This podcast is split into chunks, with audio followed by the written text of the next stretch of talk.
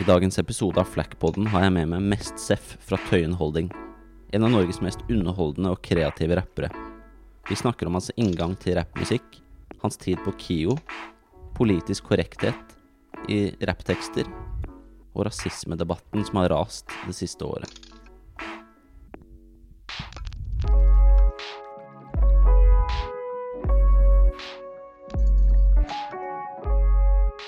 Forholdet ditt til liksom ditt, uh, ditt eh, rap-alias? Um, altså, mitt rap-alias er jo først og fremst en slags Et slags mindset. En slags sånn karakter som lever i et litt sånn, kanskje litt sånn parallelt univers med meg sjøl. Som legger eh, Som ikke har det samme filteret som jeg har, og som kan på en måte koste på seg litt mer og snakke om eh, andre ting på forskjellige måter. Eller kanskje litt mer eh, ukonvensjonelle og ja, litt mer eh, politisk ukorrekt, kanskje. Så det Litt sånn er fristed, på en måte? Eh, ja, det, det kan man egentlig si at det er. Mm. Um, mest seff er jo egentlig bare Altså Det er sjelden jeg hører et kult rappnavn, liksom. Altså, så, så, jeg gikk jo ikke Jeg hadde ikke først liksom tenkt 'Å, hva skal jeg hete?' og så begynne å lage musikk, liksom. Man lager jo bare musikk, og så plutselig så må man jo på en måte hete noe. Mm. Og da blei det Egentlig blei det til en, homa, en homasj til liksom han jeg syns er kanskje en av de skarpeste noensinne, Most Def. Som jeg syns også har faktisk et kult rappnavn, på Ja. en måte. Uh, så tenkte jeg ja ja, hva er det på norsk? Jeg vet ikke helt hvordan jeg kom eh, inn på den tråden, men så bare Mest Seff. Det høres jo eh, like idiotisk ut som alle andre, men fortsatt noe som er litt spennende og annerledes, på en måte. Mm. Ja, så Ja, det er vel egentlig bare det. Det, noe, det ligger ikke så veldig mye mer i det enn akkurat det. For hva din, hva har vært din liksom eh, Var Tøyenholding din første Liksom en rap-prosjekt, på en måte? Var det, det det første du gjorde som artist? Ja, som artist så var det jo det. Men eh, altså Interessen for liksom rap og skrive rap og sånn starta jo mye tidligere. Mm. Den starta jo allerede på uh, ungdomsskolen. Um, jeg starta jo å, å rappe med bare sånn etter skolen med Vince fra Nico Vince. Ja, ok. Ja, så vi vokste opp sammen på Lambertseter. Så vi fant jo på en måte rap sammen når man begynte å henge på Lambertseterklubben. Og det kom jo, det var breakemiljø der, og det var eh, noen av breakerne rappa også. Og så hadde vi konserter som ble holdt på klubben, og man liksom Det blei sånn Det blei noe å på en måte henge Altså Hvilke år er vi her, cirka? Mm, ja, når er vi da? 2000 cirka? Mm. Ja, rundt 2000. Vi, vi hadde faktisk podkast, jeg og Vince og en annen kompis som heter Mohammed Ali Shakiri, som er, fotograf. Ja. Vi drev og tok opp og lagde radiosendinger og sånn her hjemme. ja, fett. Så da var- gikk i karakter, og vi holdt vi liksom tok opp ting, da. Da var dere tidlig ute på Ja, vi var podkast-kjøret. sykt tidlig ute på podkast. litt sånn eh, forut for deres tid. Det var jo bare familiemedlemmer som eh, fikk høre en snutt her og der når Ja. vi kom inn og sa det var middag, på en måte. Det, det kom liksom aldri ut. Nei.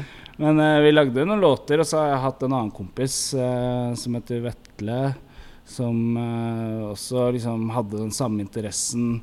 Det gikk an å plutselig laste ned beats. Så vi lasta det Da var vi sånn 17, da lasta vi ned sånn mye Madlib og J. Dilla beats og liksom skulle liksom være på den bagen. Og ja, prøvde å rappe litt, liksom. Så lagde vi litt Da var det på engelsk da, eller var det på norsk? Eh, det, var på, det var på norsk, ja. Alt har vært liksom på norsk. Eh, men jeg hang jo også med Fred Fades på den tiden. Eh, og han recorda jo bare folk på engelsk, og hadde liksom allerede satt i gang ordentlig med det. da Hadde jo sinnssykt fete folk eh, på gutterommet på Oppsal. Liksom, han hadde jo liksom Frank Nitt og Guilty Simpson og liksom store Detroit-rappere var liksom i stua hans og drakk Hennessy og spilte inn, liksom. Så røyka dank. Så altså Det gjorde at jeg ble sånn Oi, shit, her er det jo muligheter. Jeg har en kompis som tar opp og sånn. Men han mente at jeg måtte spytte på engelsk, da.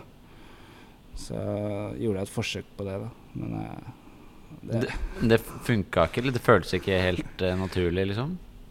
Uh, altså For meg så føltes det jo sånn der Å, oh, yes, vi er i gang. Altså Jeg tenkte ikke så mye på liksom at det skulle noe vei akkurat der. Da jeg ville bare liksom være med og lage, liksom. Uh, ikke med noen av hans folk, liksom, men bare Kan ikke vi ha et prosjekt, vi også?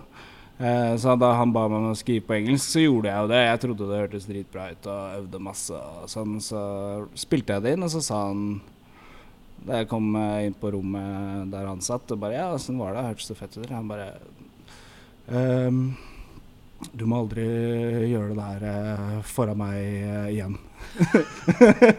så OK, vi er der, ja. Det. Du må aldri gjøre det ja, igjen? Ja, nei, du må aldri gjøre det foran meg igjen. Så, sånn, hvis vi skal henge, så må vi, sånn, da må vi bare ikke drive med det, på en måte. så det var en ærlig tilbakemelding, da. Men, og hva gjorde det med dine liksom, aspirasjoner for å drive med rapp? Nei, det fortsatte egentlig. Eh, jeg fortsatte å bare skrive litt uh, tull her og der, på en måte. Jeg har alltid liksom hatt en skriveblokk uh, eller en fil uh, som man uh, fòrer med noe tekst, liksom. Mm. Sånn har det alltid vært. Så det stoppet ikke, og jeg fortsatte jo å henge med han. Og det er jo noe jeg elsker med han fyren. Det er liksom den helt rå ærligheten, på en måte. Og den, den, den, er jo hard for mange, men den, jeg tror den hjelper også veldig mange, liksom. Også folk vi samarbeider med i dag, liksom. Det er ikke bare jeg som har fått den. Og jeg føler at jeg skylder jo også andre det å være helt ærlig når det kommer til liksom, hva jeg syns, på en måte. Men uh, selvfølgelig. Det handler jo også om måten man sier ting på. Mm. Men uh, jeg, føler ikke at jeg tok skade av det. Jeg sitter og ler av det i dag. Jeg syns det er en helt fantastisk historie, egentlig. Ja, jeg syns det også er gøy. Ja, ja. Jeg, jeg digger det. og så er det liksom gøy, fordi jeg leste jo Når jeg liksom uh, googla deg litt uh, på en måte da for å gjøre research, så fant jeg den her uh, stilen du skrev mens du hadde gått på Eller etter du hadde gått på KIO. Ja, stemmer. Uh, for fanfare hvor det var Jeg må bare finne en sånn quote som jeg føler liksom passa liksom bra mm. i konteksten av den, av den podkasten her, da. Ja. Hvor du eh, sier at noe av rappmusikkens største styrker og kjennetegn ligger i den slags kollektiv aksept for en utvidet ytringsfrihet. Ja. ja den den, den, den syns jeg satt uh, veldig bra, for du, du, nevnte jo litt det med at liksom Messef og liksom rappgreia ble en slags sånn frisone, liksom, på en måte. Mm. Uh, jeg er litt interessert i å vite mer om Om valget av uh, KIO, egentlig. Mm. Hvordan, hvorfor ble det KIO?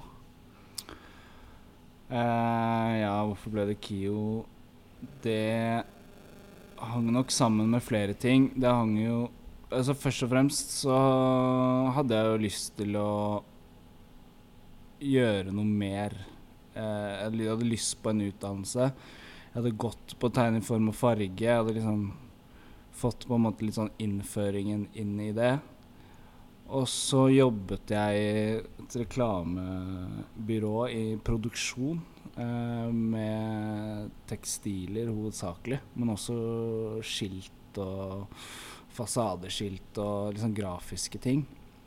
Og det gjorde at jeg hadde tilgang på mye maskiner.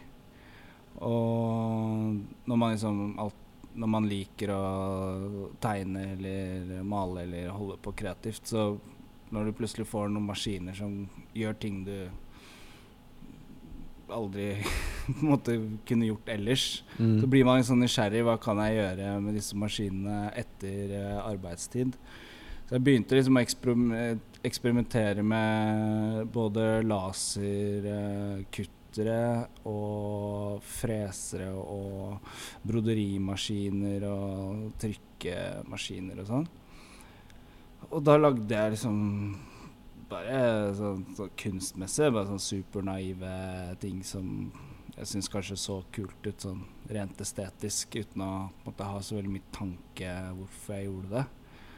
Eh, og så blei det litt mye moro på slutten av videregående som gjorde at liksom Ting som jeg kanskje hadde syntes hadde vært veldig interessant å studere, det lå på en måte litt nå for langt framme. For man måtte fikse opp i litt sånn halvrotete skolegang og liksom ja, Må jeg ta opp masse fag for å liksom komme inn på det jeg har mest lyst til? Men så var det på en måte kreative ting, kreative skoler og sånn, ser jo på litt andre ting, da. Så da ble liksom det jeg holdt på med på fritida og etter eh, arbeid, mens jeg fortsatt var i de samme verkstedene, det ble på en måte min portefølje da, som jeg søkte med. Og jeg tror jeg kom inn fordi at det virka som at jeg var så på sida av det alle andre holdt på med, liksom. Fordi at folk drev kanskje med en sånn veldig tanke om kunsten i det, liksom. Mens mine ting var mer sånn naive, av ting, masse utprøvelser i, med maskiner og litt sånne ting. Og så traff jeg Jeg tror jeg traff en professor på intervju der som hadde en del av de samme interessene og som tenkte oi, dette her er jo litt annerledes. Eh, det var få menn, det var få brune. Det var liksom ting som kanskje var litt sånn Som han valgte å satse på, da, tror jeg. Uten at jeg vet. Mm. Men eh, jeg tror det var liksom inngangsbilletten min der. Så det var, det gikk jo, det var jo over all forventning, liksom. Jeg trodde jeg skulle liksom snu i døra omtrent. Og så plutselig så var det jeg holdt på med et eller annet der da var interessant, selv om sikkert mye av det var For du kom inn på første forsøk, holdt jeg på å si? Eller sånn? Ja, kom inn på første første forsøk. Ja. Jeg, hadde, jeg hadde snust litt på en annen linje der også. Det var grafisk. Men eh, Jo, jeg søkte faktisk der også. Men eh, da jeg jobba aldri på PC eller på, i noen programmer. Jeg, jeg kunne ikke Photoshop og søkte liksom på grafisk. Og kom bare med masse fysiske ting som jeg hadde laga, liksom. Og de bare Hva, er det greia der, liksom? Jeg tror de var litt sånn satt ut av eh, At det ikke var tegninger, at det ikke var liksom sånn moodboards, eller at det ikke var noe Ja, jeg kom med masse rare ting. Jeg kom med liksom imaginære Eller sånn skilt for uh, fiktive ting. jeg hadde et skilt for en fiktiv greie. sånn sånn Ja, det er ferdige produkter, liksom. Men hvor er Har du jobbet i InDesign for å lage det her? Bare sånn Hva er InDesign? Kan ikke. jeg har ikke peiling, liksom. Så jeg tror det var grunnen til at jeg ikke kom inn der, da. Men uh, så var sikkert det riktig. Kunstlinja var mer eh, for meg, da.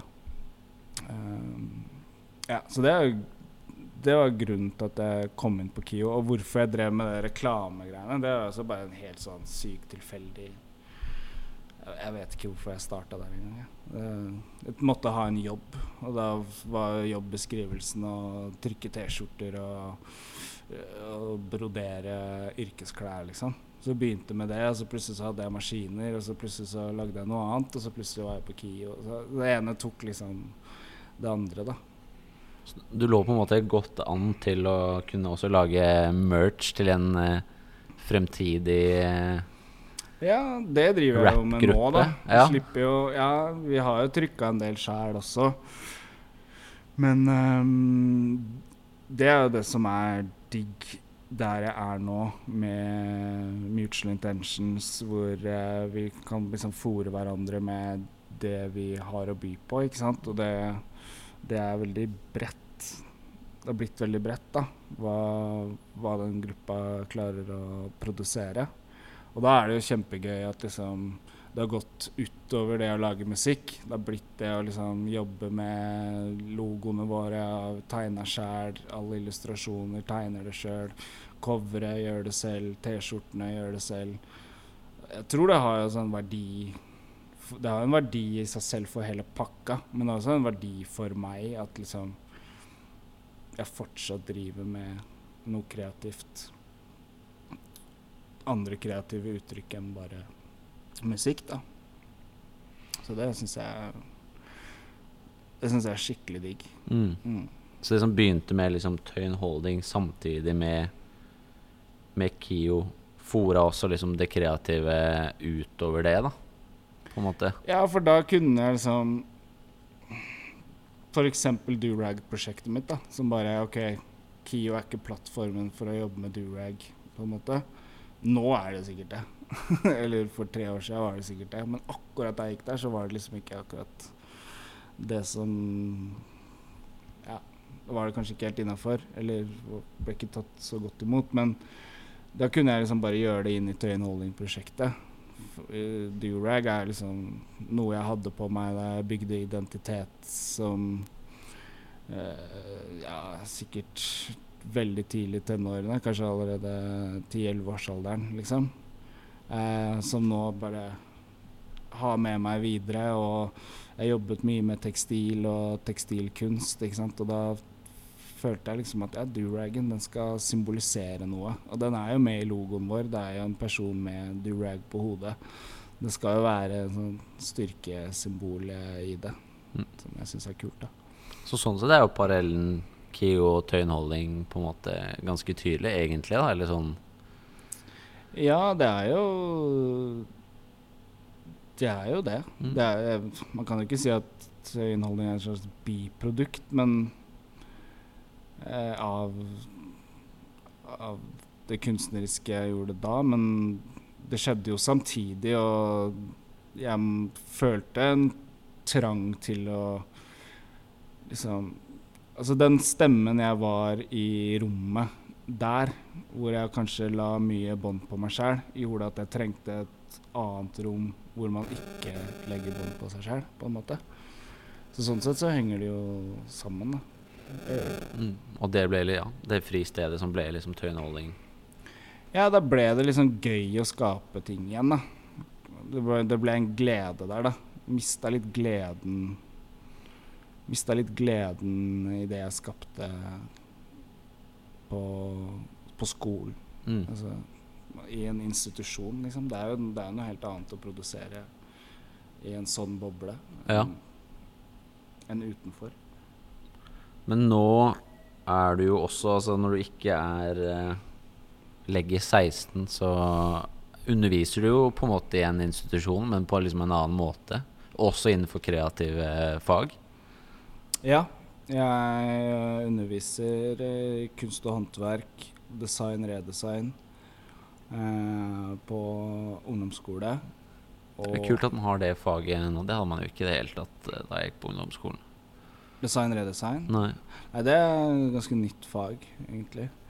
Eh, som Det er ganske tett opp til kunst og håndverk, men man har et litt annet perspektiv. Det er jo upcycling, og man ja, jobber videre med allerede formgitte materialer. Og gjør nye ting ut av det. Kult fag, absolutt. Jeg syns eh, det er bra at du har kommet inn i skolen og ikke ligger og venter på deg på videregående hvis du velger det, men at du på en måte blir eksponert for det tidlig.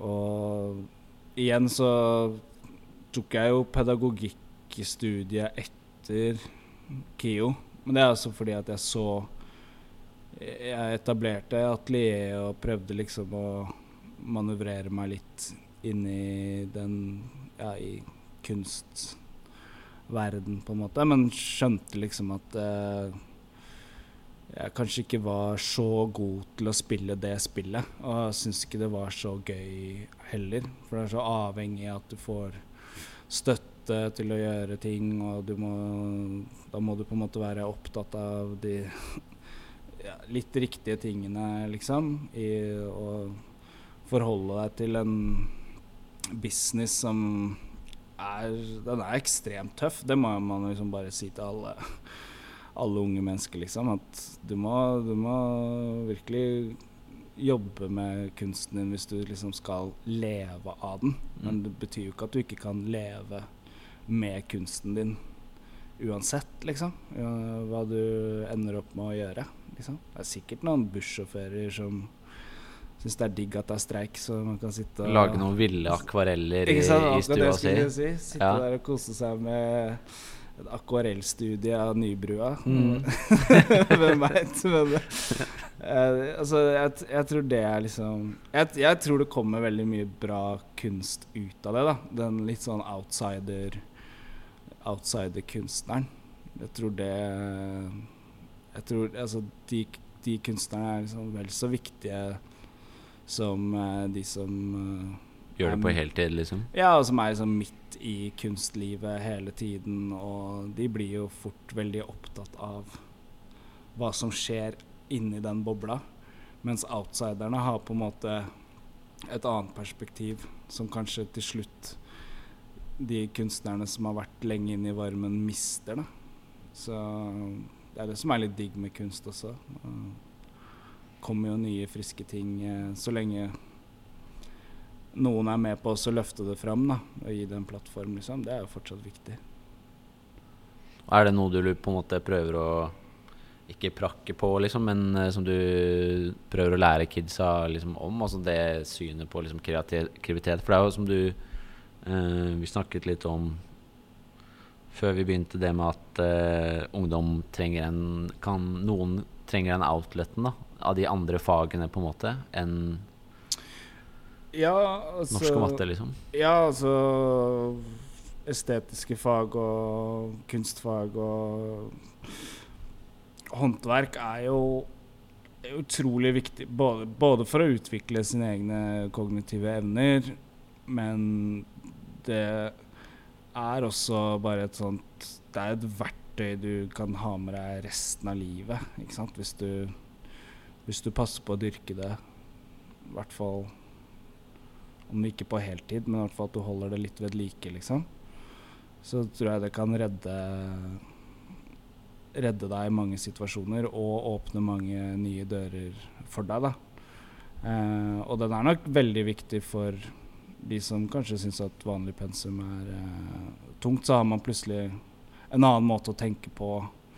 Det er noe annet som betyr noe. Din stemme betyr mye mer i det du skaper selv i et verksted, enn en tekst du responderer eh, masse spørsmål på, liksom. Din stemme det er liksom Det er vel mest for å få deg til neste nivå i studieløpet eller eh, en jobb, liksom. Men det man gjør for sin egen del, er jo liksom noe som også tror jeg er med på kanskje ja, For min del er liksom holde på gleden i, i hverdagen, liksom. Ha en sånn go to-ting, da. Det er nok key. Det har vært key for meg. Og jeg tror eh, Ja, det er noe jeg oppfordrer alle mine Alle unge jeg møter, liksom. Det er Samme hva det er. Om det er skateboard, eller om det er tegning, eller idrett for den saks skyld også. Men uh, ja. det er jo sant for eh, På en måte for rap og sånn òg, da. Altså, altså det med eh, utløpssiden av det og, og sånn. Så jeg tenkte liksom på hva når du var på den alderen, hvem, hvem var rå, hvem var det du kunne liksom eh, Hvis vi går tilbake til liksom tøyenholdning og liksom rap, hvem var det du på en måte så opp til eller fikk, ble inspirert av? Mm, um, det start, altså, Hiphop for meg startet jo først og fremst over dammen. Før jeg liksom oppdaget ting som skjedde her. Så var jeg liksom Jeg tror det første jeg ble introdusert for, var liksom Dr. Dre og Wu-Tang. Øst og vest. Eh, mens i Norge, når man liksom oppdaget at eh, folk holdt på med det her også, så var det sånn Ekises, Tungtvann, eh, Gatas eh, Alarm Clock, eh, Connection. Eh, så det var liksom en sånn Det var blanding av mye. Og Pumba. Ikke sant. Det var sånn Jeg likte politiske ting. Jeg likte at rap sa noe. OK, da er Gatas og Alarm rått. Definite var jo en kjempebra rapper til å skrive smarte punchlines, liksom. Åh, det kan jeg strebe etter. Så kommer Dirty Oppland med sin humor eh, og ekstremt morsomme tekstunivers som liksom Åh, det går an også. Så til slutt så tror jeg liksom Det gjorde at jeg kunne skrive om veldig mye forskjellig og fòre min egen rimblokk med mye rart, da. Så Kunne det være liksom breial punchline-rap, men det kunne også være noen som sparket oppover, på en måte? Ja. Ja, ikke sant. Det er det jeg liker med eh, rap. da Du kan sparke oppover og nedover, mm. liksom. Ja. Du kan sparke alle veier. Jeg prøver å sparke alle veier, jeg, jeg i min musikk. Og det tror jeg kanskje gjør at det er litt vanskeligere å Hvis man skulle ta meg på noe jeg har sagt, så tror jeg, det, tror jeg ikke det er så vanskelig hvis du har lyst til å eller hvis du er lettkrenka, på en måte. Men da må du på en måte stelle deg Da må du trekke kølapp for alle jeg krenker, på en måte. Er, Mm. den, den køen blir lang, og da er det lettere å akseptere at OK Han sparker alle veier. Mm. Ikke sant? Det går ikke bare på hvis du driver med full karate, er det vanskeligere å liksom Ja, men jeg, altså Å catche deg på noe greier? Ja, samtidig som plutselig så løfter man jo opp en uh, gruppe i samfunnet da, med en annen, uh, en annen linje, liksom. Jeg sier jo f.eks. at jeg har alltid freshe kicks som en rullestolbruker, liksom. Det er jo skjæret til alle som sitter i rullestol, det på en måte. Ja, ja, ja. Det, det er jo kanskje ikke en gruppe som får så mye shine, på en måte. Men uh, da føler jeg at jeg både liksom fremheve meg selv i det skrytete universet. Samtidig som ja, de får en liten skjærhet, de også. Så bruker jeg jo ord som sikkert går ut av ordboka etter hvert også. Uh, men det er, jo, det er jo uansett litt den jeg er, da. Det er jo ord Det er ikke bare ord jeg bruker i rap, men det er ord jeg bruker privat. Det er jo ikke, det er ikke ord jeg bruker i På jobben, liksom? på jobben, liksom. Mm. Men uh, det er viktig å liksom se at det er arenaer, forskjellige arenaer. Og at uh, det er forskjellige rom, og at folk beveger seg i forskjellige rom. Og da skal man liksom være Ja, jeg syns man skal være raus med hverandre, da. Og liksom ikke holde alle til én standard konsekvent, på en måte. Ja, for det er jo altså Det er jo en interessant tid for eh, på en måte ytringsfrihet som vi, som vi er i nå, hvor du har liksom disse polariserte campene med liksom de lettkrenka og eh, de som eh, sier at alle har blitt så hårsåre, ikke sant. At det er liksom ah, krenkefest der og Mm. der, eller så er det cancel culture der. Mm. Um, og det har jo sikkert en, en påvirkning på Altså jeg, det, jeg kan Utrolig mye bars man kan komme på som aldri de hadde skrevet nå, da. Eller i det nåværende politiske klimaet av forskjellige rappere Mm. både i Norge og utlandet. Mm. Eh, men har du liksom noen tanker om hva rap skal være i dag, på en måte? Um, ja Ja og nei. Jeg syns rap skal være alt og ingenting, på en måte. Jeg syns at eh, Jeg syns at det viktigste er at den som rapper, gjør det av et sånn engasjement for seg selv. Altså sånn at man Det er noe man syns er kult å holde på med, og at man tar det Derfor tar det i en eller annen grad litt seriøst, da, og gjør det på en måte kult på sin egen måte. Ehm, jeg syns at rap ikke trenger å være Trenger ikke å si noe som er viktig i det hele tatt. Samtidig som rap er utrolig vakkert når det sier noe viktig om samtiden, eller noe politisk, eller backer opp eh, under noen viktige temaer, liksom. Man må liksom Man må ta rap man må ta det gode med det onde da, når det kommer til rappmusikk. Det er liksom sjarmen til rap. Det er sånn det kom opp, kom opp som en motstandskultur, liksom. Og da skal den ikke bare jatte med eh, Med Hva heter det? Med, ja, den bærende meningen i samfunnet, liksom. Den skal liksom Skal slå alle veier. Og det er mange måter å drive med rap på i dag, liksom. Noen syns jo sikkert det er Noen syns sikkert det, det kuleste med rap er å lage musikkvideoen, liksom. Mens andre syns det er kult å jobbe med rap i studio, eller noen bare går med en slags tekstmotor i hodet som hele tiden jobber. Jeg tror nok jeg er mest der, hvor liksom rap er både underholdende for meg selv og holde meg selv underholdt i en Når hverdagen er eh, konform, liksom. Samtidig som jeg syns det er dritkult å lage fete låter, liksom. Prøve å lage de låtene som man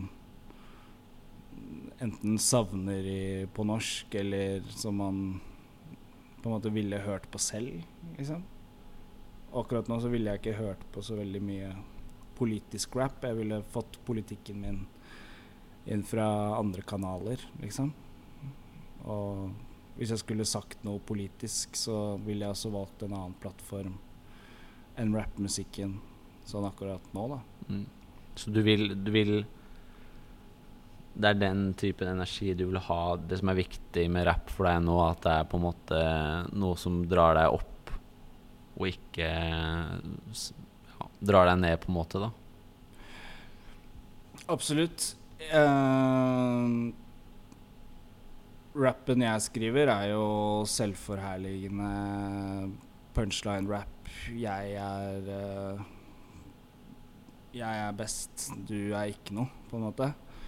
Men i det så ligger det jo masse power, masse styrke som eh, Jeg tror at ord styrer tanken, da. Så hvis du snakker positivt om deg selv, smører på tjukt, liksom, og står i, står i det, så har det en effekt på deg psykisk, liksom. Og det tenker jeg altså med den rappen jeg hører på, liksom. Jeg liker, jeg liker rap om good life. Jeg liker om det, om det, fine i livet, om det som er bra, når du føler er bra. Hipp å sette på en rapplåt som løfter meg opp, som gjør meg rakere i ryggen, eh, liksom. Det det trakter jeg etter, samtidig som jeg vil at man skal le litt, og man skal ikke ta det, man skal ikke ta det for seriøst heller, liksom. Men jeg tror Ja, jeg tror liksom Selv om vi rapper om ingenting, så tror jeg det fremdeles har en, en styrkende effekt, liksom. Uansett, på et eller annet nivå, mm. når man hører på det. Så du er ikke, på, men du er ikke liksom bekymret for om liksom sånn, dette med ja, sånn cancel culture og sånn på en måte påvirker hvordan folk jobber kreativt med, med, tekst og rap, da? Jeg håper virkelig ikke at det får lov til å på en måte sette noe Eller få noe grep over rappmusikk, liksom jeg syns kunsten uh, og rappen skal være fri. ikke sant? Den skal romme alt. Så får jo folk velge selv hva de har lyst til å høre på. Og jeg tror det er plass til ekstremt mye. Men vi har ikke Sensur mener jeg at man ikke har plass til. da. Du må bare, du må bare unngå det sjæl. Prøve ikke å eksponere deg for det selv hvis ikke du er interessert i det. på en måte. Det er masse ja, masse ordbruk og masse ting som fortsatt er i rappen, og jeg syns det er digg at det er der. Fordi at alle går rundt og tenker helt sjuke ting ikke sant, som man ikke sier. Ja, ja, ja. Og da er det sånn Da er det digg at det fins et rom for det, da. Um, og det er Det er kanskje rappen best på, liksom.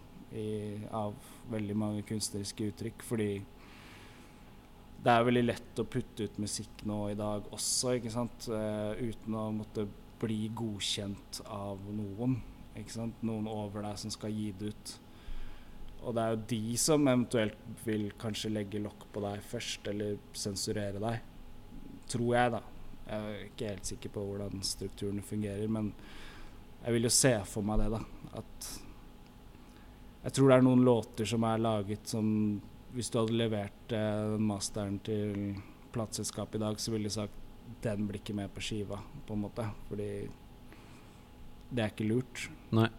Eh, men jeg tror rap ble så stort fordi at den rommet så mye og rommet så mange ulike eh, liv og perspektiver og ting som kom opp fra bunnen, liksom. Og det Der er det mye, mye bra grums. Ja. Det er, man ser jo i rap tar jo opp Det er mye kriminalitet i rap nå. Eh, jeg føler at det kommer opp som en liksom Blitt en bølge de siste årene. Rap har blitt I Norge også liksom eh, jeg, vet, jeg vet ikke om liksom Det er jeg, jeg vet ikke Jeg aner ikke hvorfor det har blitt sånn. Jeg tror man ser etter Man ser f.eks. kanskje mer til Sverige, som har et mye røffere samfunn. ja, og Sverige har jo en, en mer sånn sann altså gangsterrap, eh, sånn sett, der hvor det ikke legger så mye mellom Absolutt. hva utøverne gjør eh, på fritiden, holdt jeg på å si. Absolutt. Eh, I Norge så Jeg tror vi er veldig fascinert av den estetikken og det Det som blir skapt ut av det. Men uh, jeg tror ikke det er nødvendigvis Det fins masse rart i altså det fins folk som lever det livet i Norge også, selvfølgelig. Det er ikke det. Men uh, jeg tror vi er inne i en periode nå hvor uh, vi henter mye vi, hent, vi har alltid gjort det da i Norge, men henta mye av estetikken utenfra. Men jeg, jeg kjøper ikke helt den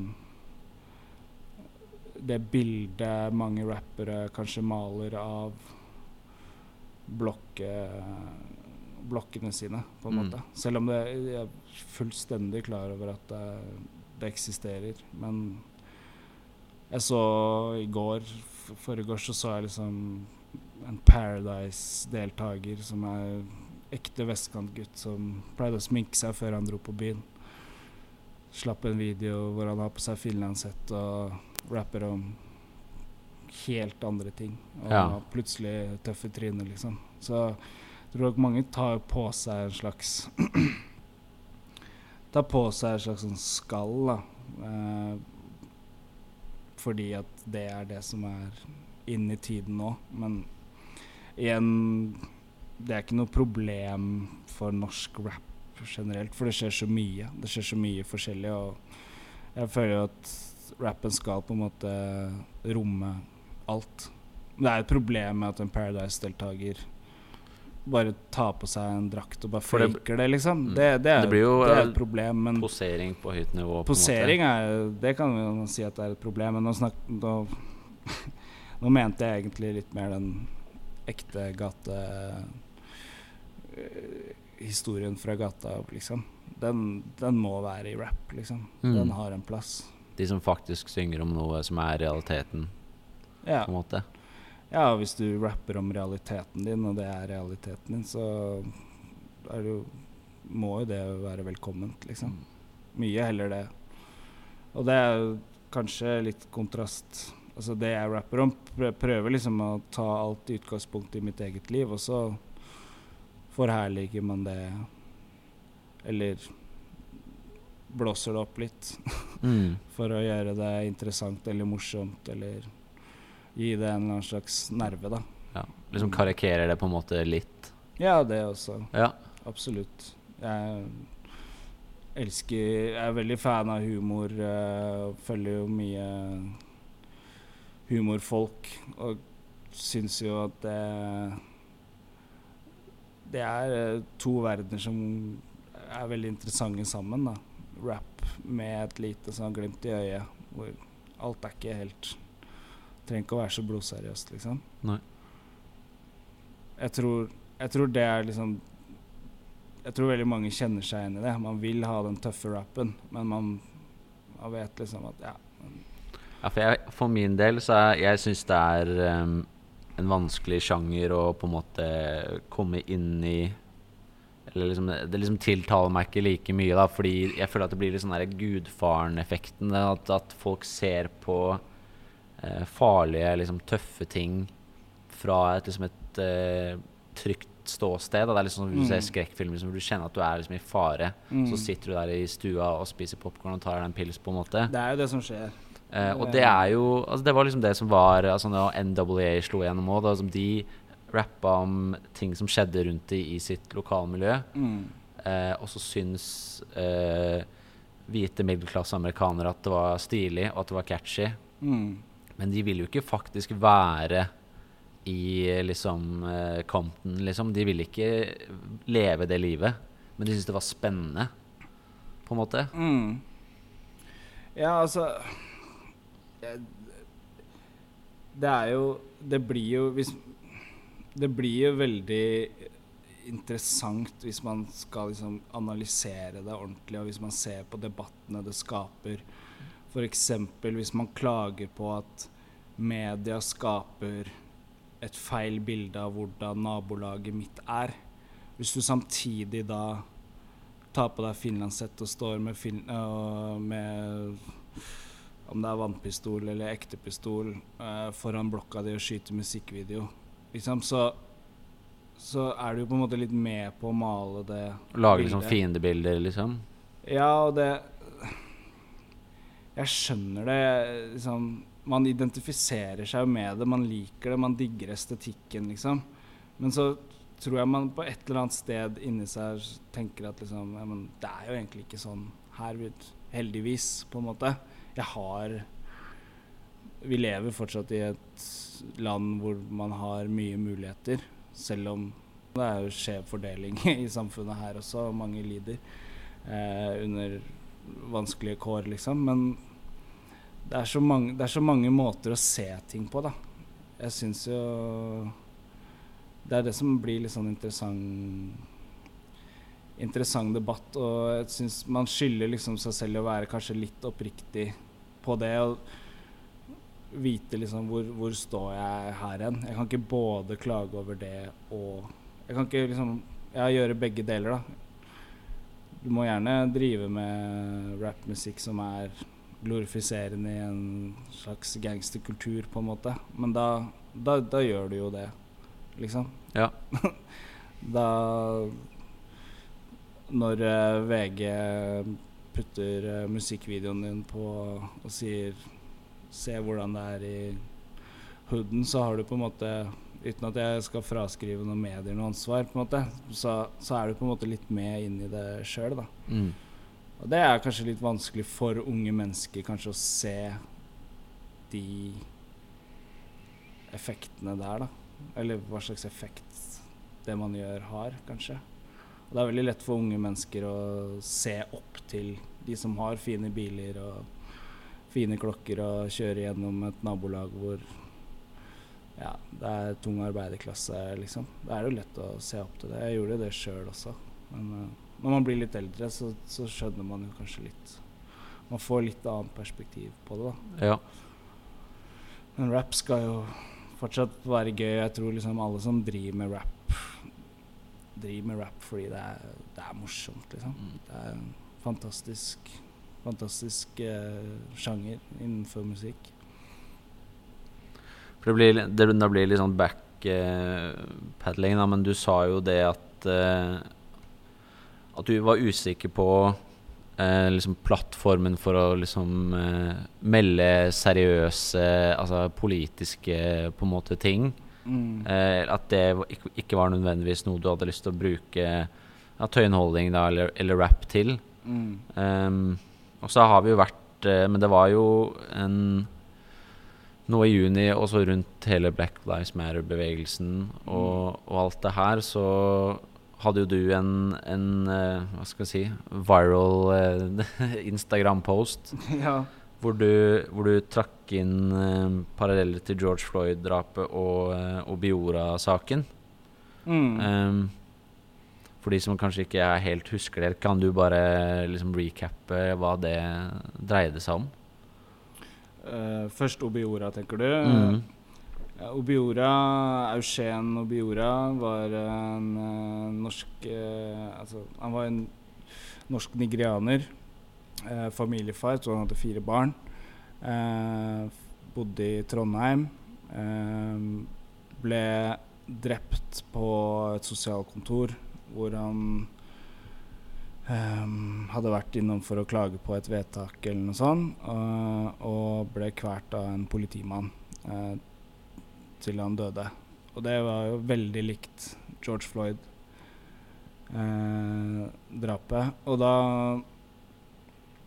Jeg hadde bare lyst til å si noe der, fordi det satte i gang ganske Altså For meg ble det sånn Dette her Når jeg leste at noen skriver, eller noen sier at Men dette er Norge. Skjønner ikke hvorfor man skal lage så stor oppstandelse for det her i Norge. Så tenker jeg at eh, det her kan skje. Og det er viktig at folk vet at det her har skjedd i Norge. Og hva gjorde vi med det? Vi Han politimannen jobber jo i Sør-Trøndelag politidistrikt bare enda høyere oppe enn det han gjorde i 2006. Mm. Så vi har på en måte Ja, det oppgjøret vi tok da, var på en måte ganske svakt. Eh, selv om det var mye engasjement rundt det da. Og jeg syns det er liksom viktig å huske på at altså, Norge er jo bitte lite land i forhold til USA, så sånne ting vil jo skje mye oftere i USA enn det det vil skje i Norge. Men eh, sånne folk jobber i politiet, og det skal man være klar over. Og så ikke eh, så er ikke alle som jobber i politiet sånn heller. Eh, det syns jeg også var viktig å si. Og så har jeg opplevd eh, kjipe ting eh, i møte med politiet selv, og da eh, Jeg vet ikke, altså, det var jo bare en tanke jeg hadde lyst til å bare skrive ut der, og så poste et bilde av, av Obiora, så at man ikke glemmer han. Han blir på en måte et sånn symbol på den kampen vi må kjempe her for at det ikke skal skje igjen, og at man passer på hverandre, og at man bryr seg. Og jeg tror liksom Hvis man bor i Oslo, så ser man jo arrestasjoner eh, veldig ofte. Og det er sånn Det er mye Altså, du kan være Du kan være den forskjellen eh, bare ved å stå og se på, eller ved å ta opp telefonen din og filme og liksom bry deg da, på et eller annet nivå. Det tror jeg er sånn viktig at man passer på hverandre og ikke tenker at liksom ja, Hvis politiet er her, da blir det ordnet opp, liksom. Ja, det blir sikkert det i 95% av tilfellene, men eh, plutselig så går det gærent, og plutselig så er det feil folk på jobb, og det, det kan skje hvor som helst, da. Det syns jeg var bare viktig å si, men så har jeg liksom jeg aldri brukt min plattform til å si noe sånt før. Tenkte liksom at ja, ja. Er det noen gang jeg skal gjøre det, så skal jeg i hvert fall gjøre det nå. Så gjorde jeg det, og da Jeg har jo en lukka profil, men noen spurte kan du åpne den så jeg kan reshare den, og så skrev jeg egentlig bare sånn Ja, jeg kan gjøre det for én dag. og så tok jeg den eh, posten ganske vilt av, da. Ja, det var jo sånn nesten 3000 likes og Ja, telefonen min ble helt svett, liksom. Ja. Jeg, jeg, jeg tenkte hva er det jeg har gjort nå, liksom? nå har jeg åpna noe greier her. Men ble, ble du på en måte ikke redd, men liksom litt sånn stressa over at du plutselig hadde kasta deg inn i en slags sånn politisk eh, Altså posisjon, på en måte? Nei, jeg ble ikke det. Jeg tenkte liksom at det der kan jeg si når som helst, på en måte.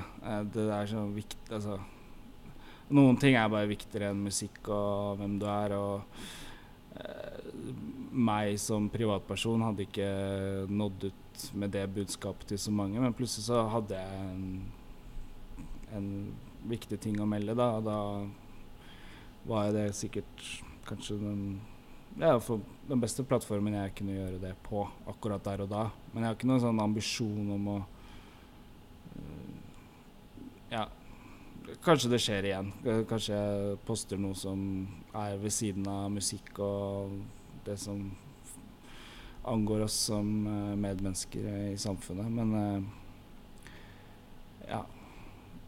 Det, jeg tror det var en one-off, Ja. for å si det sånn.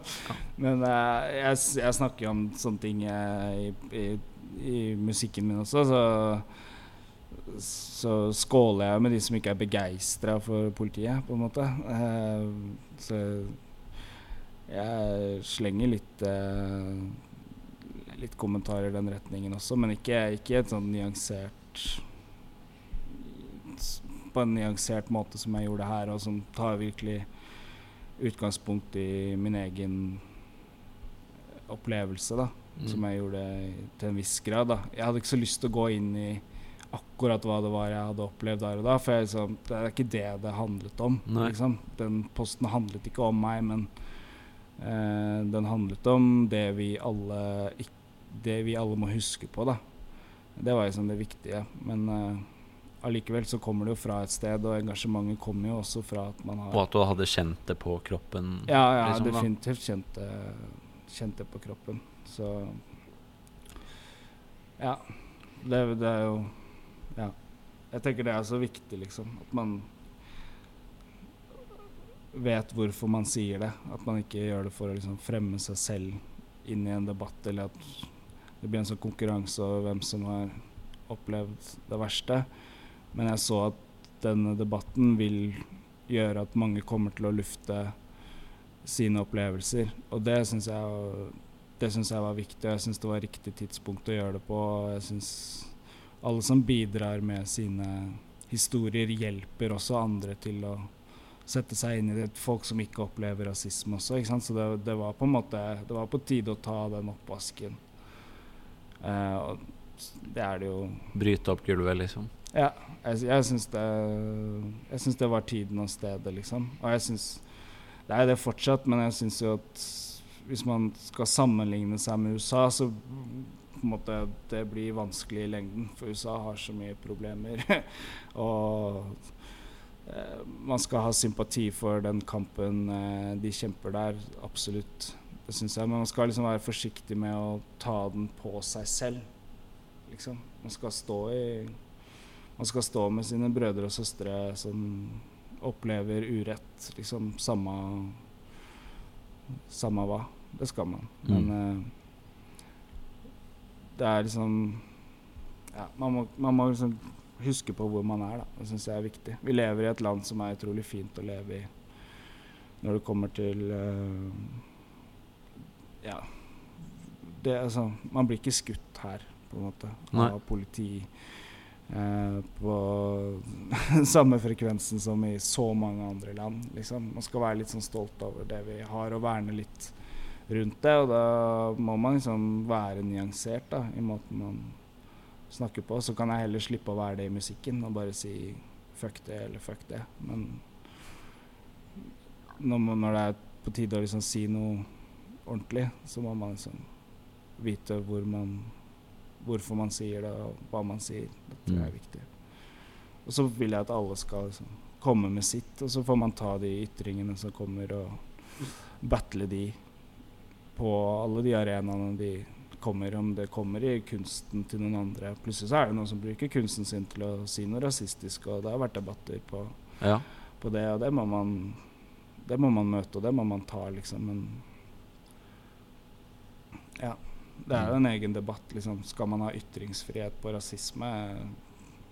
Jeg, jeg, jeg vet ikke, liksom. Det, man skal alltid kjempe mot rasisme. Det Ja. skal man alltid. Men For det er vanskelig, det er vanskelig fordi eh, det er vanskelig å vite hvor Altså, fordi, altså det er jo en rasismeparagraf på en måte, sant, som, som legger føringer for hva som definerer hatefulle ytringer og sånn. mm, Og så er, men så er det alle disse gråsonene Mm. Innad i hva man kan snakke om når det gjelder innvandring eller altså fremmedfrykt. da Eller ikke Mm. sant. Det er, Og det vil man ikke. Jeg vil ikke at det skal gå under jorda, liksom. Jeg vil se de Jeg vil kunne vite hvor det er. Jeg vil kunne møte Jeg vil at folk skal kunne møte det som blir sagt med med en kamp tilbake, liksom. Og hvis vi bare sitter på hver vår tue og så, så tror jeg vi får et eh, mye vanskeligere samfunn å, å leve i, da. mm, Så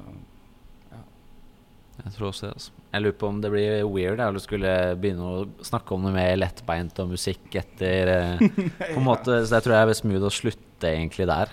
Ja, OK. Jeg syns det Ja, det blir bra. Det blir rart å skulle snakke om uh, vin, jura og Ikke sant? Ja. Nei, men vi kan jo konkludere med at uh, i hvert fall musikk skal jo Og rappmusikk skal på en måte romme alt, da. Det skal Det skal ha den slagkraften i å si noe viktig, og så skal det ha det rommet til å ikke si noe viktig i det hele tatt. Bare gøy. Det tror jeg Det håper jeg rap fortsetter å være for alltid.